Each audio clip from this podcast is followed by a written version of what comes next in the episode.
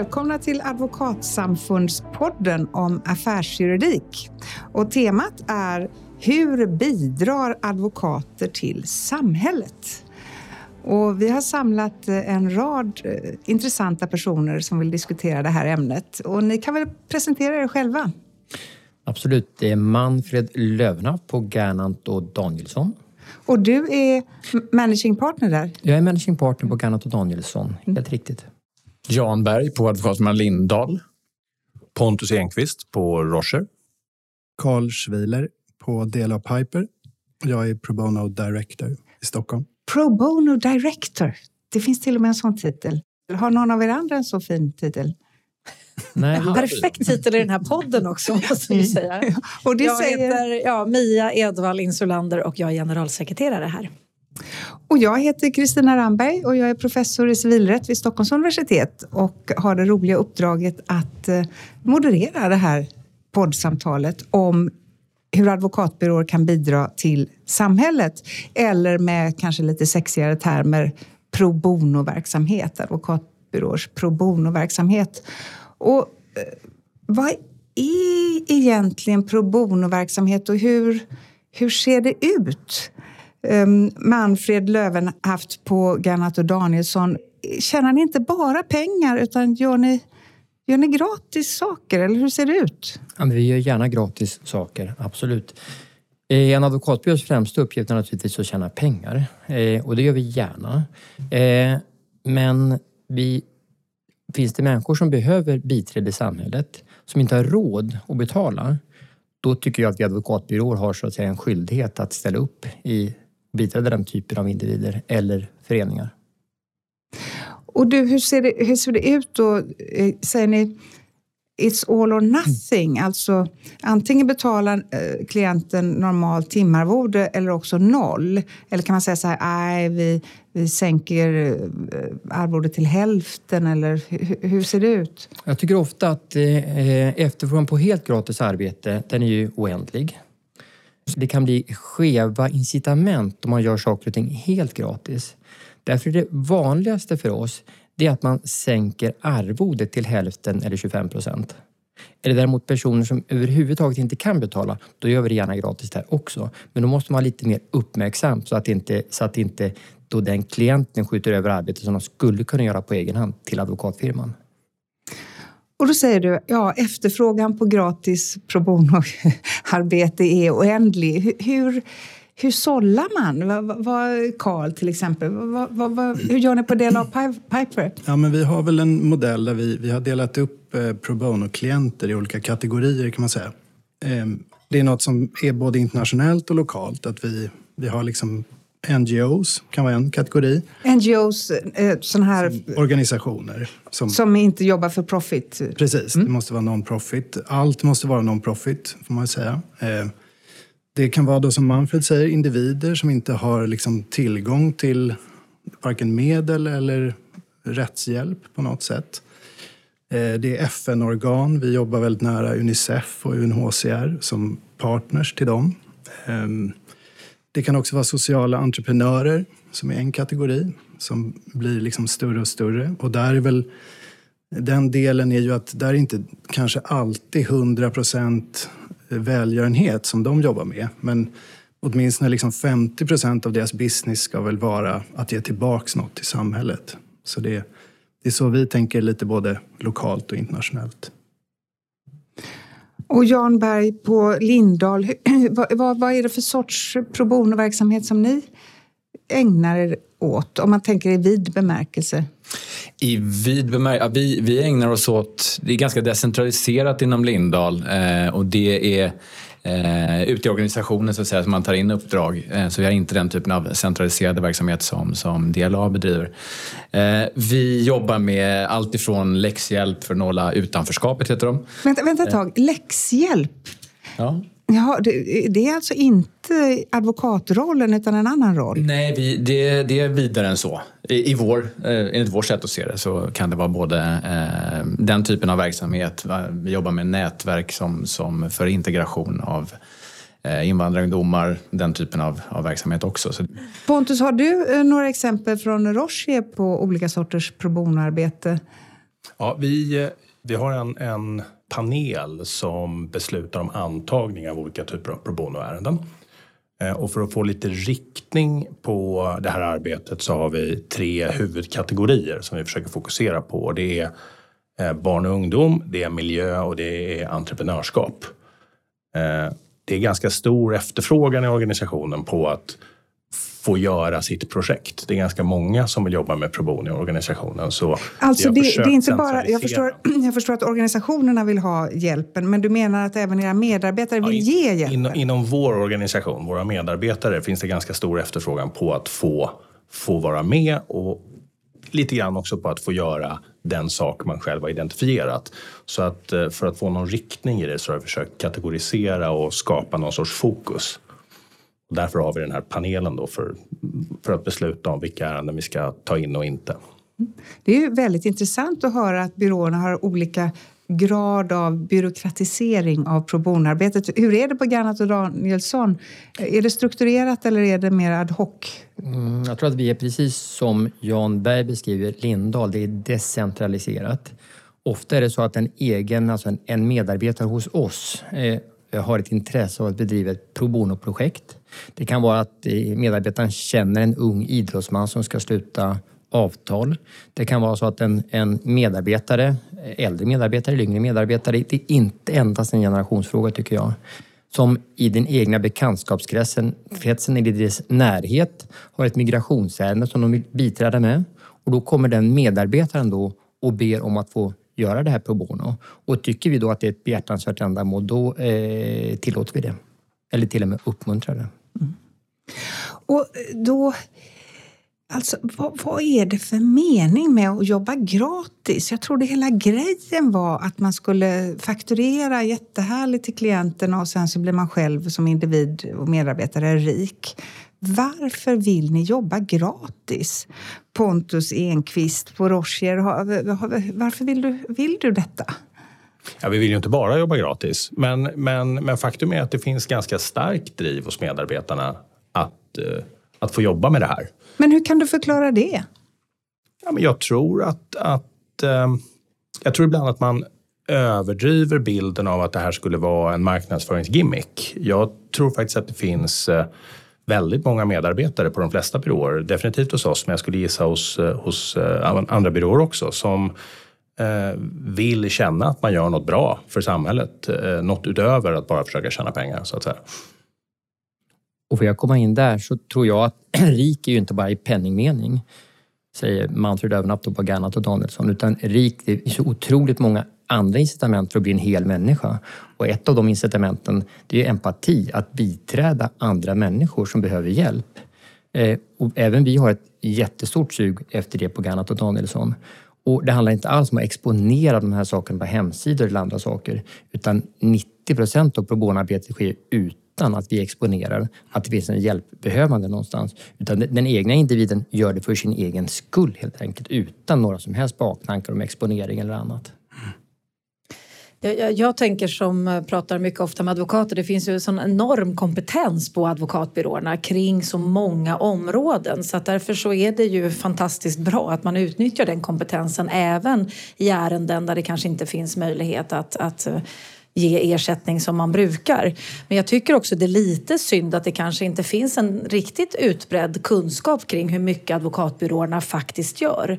Det är någonting som vi kunde prata mer om även från advokatsamfundshåll tycker jag. Vilket stort arbete, det hör man ju här nu, många advokatbyråer verkligen gör på, på olika sätt för att bidra till samhället. Och det är väl eh, fantastiskt och, och viktigt och angeläget att, att byråerna gör det tycker jag med den kompetensen de har. Jag blev faktiskt lite förvånad här. Eh, jag trodde att pro bono verksamhet, det ägnar man sig åt på en advokatbyrå för att kunna slå sig på bröstet och just skriva på hemsidan att vi lägger för det vet jag att eh, byråer utomlands gör. Vi lägger alltid 20 procent av all arbetskraft på alla timmar på pro bono-arbeten och vi bla, bla, bla, bla, bla slår oss för bröstet eh, och är minsann jättegoda. Någon sorts greenwashing, jag vet inte vad det heter när det är när den här typen av verksamhet. Karl, vad, vad är din eh, alltså, Jag skulle nog säga tvärtom. Alltså, och det jag ser inom Dela Piper är att det finns snarare en kultur av att inte berätta som Manfred sa, att det är ingenting som man går ut och slår sig på bröstet för att man gör, för att det förväntas att man gör det.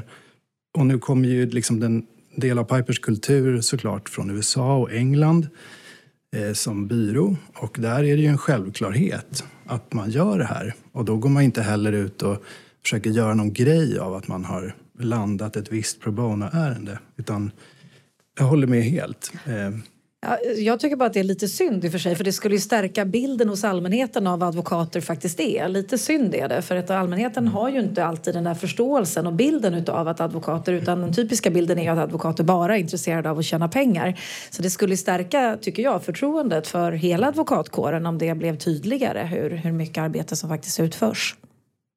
Mm. Men Jan Berg på Lindahl, skriver ni aldrig något på hemsidan om hur fina och goda ni är?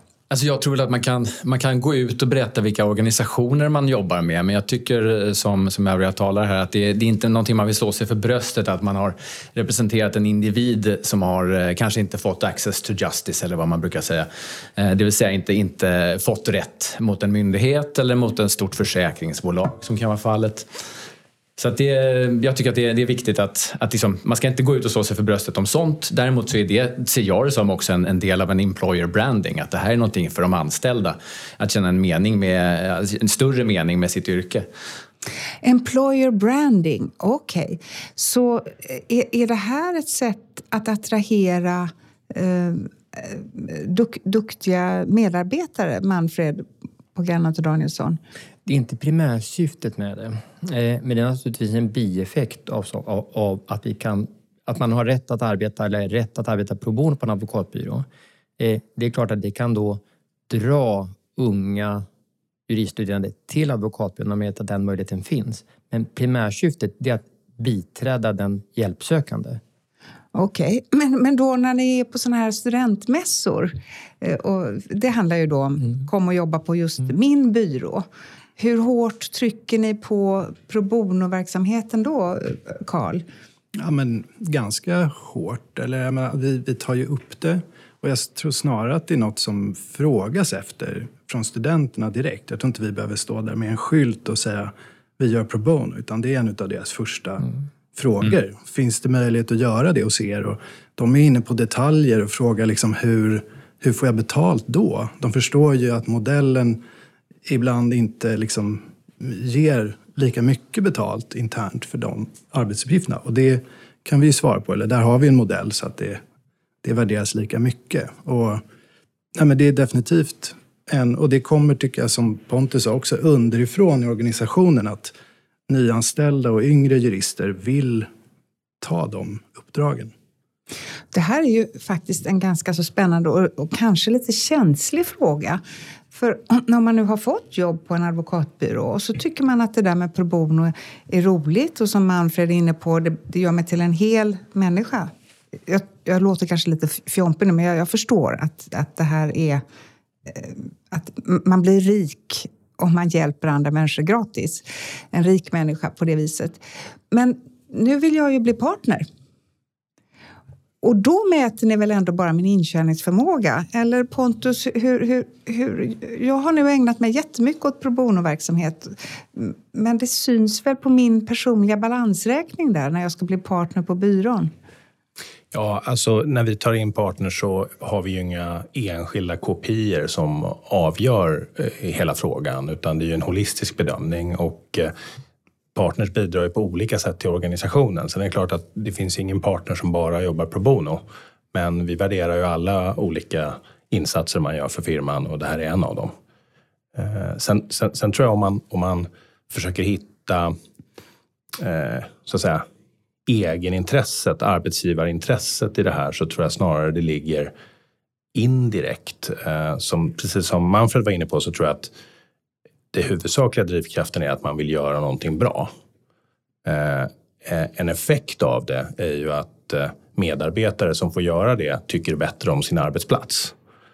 Eh, och om man ser på vår förmåga att, att, att attrahera duktiga jurister så kan vi ju det är förstås bra om vi kan göra bra ifrån oss på arbetsmarknadsdagar och liknande. Men det viktigaste är ju att våra egna anställda fungerar som bra ambassadörer och är nöjda med sin arbetsplats. Och det här har ju antagligen en positiv effekt för det. Folk som trivs med sitt jobb och sin arbetsplats är bättre ambassadörer för sin arbetsplats. Och där tror jag att den viktigaste effekten på rekryteringen finns. Så det är liksom en, en, en, en bieffekt egentligen, men en positiv sån. Men är inte risken här nu... Nu jobbar jag på låtsas vi på del av Piper och så har jag fått ägna två, tre månader åt ett mycket spännande uppdrag för UNHCR. Alltså pro bono. Och det känns extremt meningsfyllt. Eh, varje dag så känner jag att jag gör världen bättre med min rådgivning till UNHCR utan att bidra med en krona till advokatbyrån. Och sen när det ärendet är slut ja, då får jag jobba med en sketen vanlig företagsöverlåtelse och göra någon sorts DD. Är inte risken om en byrå ägnar sig för mycket liksom, eh, åt meningsfulla grejer och sen så blir det bara snöd kapitalism? Jan, vad säger du om den här eh, konflikten? Jag tror att variation förnöjer. så det finns nog eh, stimulans även i, ett, i en företagsöverlåtelse. Och gör inte det så kanske man helt enkelt vill gå vidare och jobba inom en sån organisation. Det är inte omöjligt heller. Ser ni det? Ett flöde, alltså de här nu, nu, jag uttrycker mig kanske lite drastiskt här nu, men de här supergoda medarbetarna som verkligen bara kan njuta om de får jobba pro bono, att de just försvinner ut i kanske andra organisationer som är mer fokuserade på mänskliga rättigheter eller någonting i den stilen. Karl? Vi har inte sett det skulle jag inte säga. Eh, och jag tror inte heller kanske att det är så som din, din liksom beskrivning av ett uppdrag är kanske inte så det ofta är heller. Det är inte så långa uppdrag kanske. Det är mer spjutspetsinsatser. Sen har vi ju, vi skickar ju sekundis även på pro bono-jobb men kanske kortare kortare secondments. Men du, då måste jag fråga. Aha, alltså secondment, jag är anställd på advokatbyrån mm. och sen så får jag möjlighet att gå ut. Och typiskt sett så tänker jag mig att ja, men då får jag jobba som bolagsjurist eh, en period. Mm. Och då är det väl det här bolaget jag jobbar på som betalar min lön. Mm. Men du skulle kunna tänka dig att skicka ut mig till eh, Rädda Barnen eller någonting sånt där? Ja, och, betala min, och då betalar DLA min lön? Absolut. Vi har gjort det med Unicef och vi gör det löpande globalt eh, från många kontor till olika insatser eh, hela tiden, både korta och lite längre secondments. Det är en fantastisk samhällsinsats. Mm. Ja, men jag tror att det är, det är någonting som liksom, vi får tillbaks det från medarbetarna. Jag tror verkligen det. det är en jag tänker det är viktigt för de yngre studenterna och de som pluggar juridik och de som kanske precis är klara att veta det också. För ibland om man tittar på listor över var de unga juristerna vill arbeta så ligger ju inte alltid advokatbyråerna överst. Och det kan ju, utan då kanske just de här organisationerna ligger överst. Man vill jobba på FN eller man vill jobba så. Och visste man om, hade större kunskap om att det faktiskt finns inom ramen för advokatbyråerna så finns det också möjlighet att arbeta. Eh, inte bara med spännande företagsöverlåtelser utan även med annan typ av juridik så kanske det skulle locka ännu mer. Så det, det är bra att vi pratar om det, tycker jag verkligen. Ja, Carl, jag är jättesugen på... Jag jobbar ju på en eh, svenskbaserad och lokal advokatbyrå på Gernat och Danielsson. Men du jobbar ju på en internationell advokatbyrå, DLA. Mm. Eh, kan du jämföra så att säga det pro bono-arbete som bedrivs i England eller USA med det i Sverige? Och möjligen om du bedömer att de, ligger, alltså de internationellt sett ligger lite före oss eller vad, vad kan vi lära oss någonting så att säga? Mm. Ja, men absolut. Det är ju Eh, det kan vi absolut göra. Jag skulle säga att vi, vi är både sämre och bättre i Sverige på liksom pro bono-jobb. Eh, vi har inte den, kanske den svenska modellen har kanske inte gjort det liksom så möjligt att jobba pro bono som det gör i USA och England framförallt.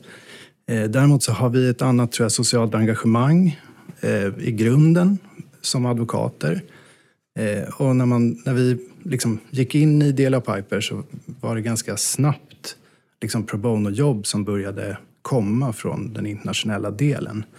Och där, de har ju satt upp en helt annan organisation för pro bono eh, och jobbar med det på ett annat sätt än vad vi gör. Så att vi har väl kunnat möta då deras struktur och sätta upp en, liksom, som jag då kallas pro bono director som finns i varje land, eh, eller varje stad egentligen.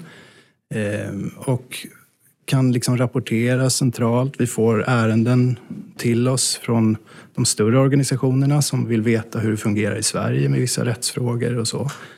Eh, och vi kan även liksom, ja, vi kan bidra till den internationella pro bono-verksamheten samtidigt som vi kan eh, göra lokala insatser också. Så att Men du, det- när, jag fastnade för någonting du sa, den svenska modellen kanske försvårar för pro bono-arbete. Handlar det om hur svenska advokater får debitera, att man inte kan säga... Nej. Vad är det det kallas för det där när man, om jag tar inget betalt om vi förlorar men procent om vi vinner? Är det den nej, modellen nej, du tänker nej, på? jag tänkte nog mer på svenska samhällsmodellen egentligen. Att det är, alltså pro bono-jobb från den privata sektorn har inte liksom funnits på det sättet. Om det har behövts eller inte vill jag inte svara på. Men det är ju ändå en, vi har ju den traditionen att det ska tas om hand av andra. Så vi är mer superkapitalistiska än amerikanerna? Jag vet inte.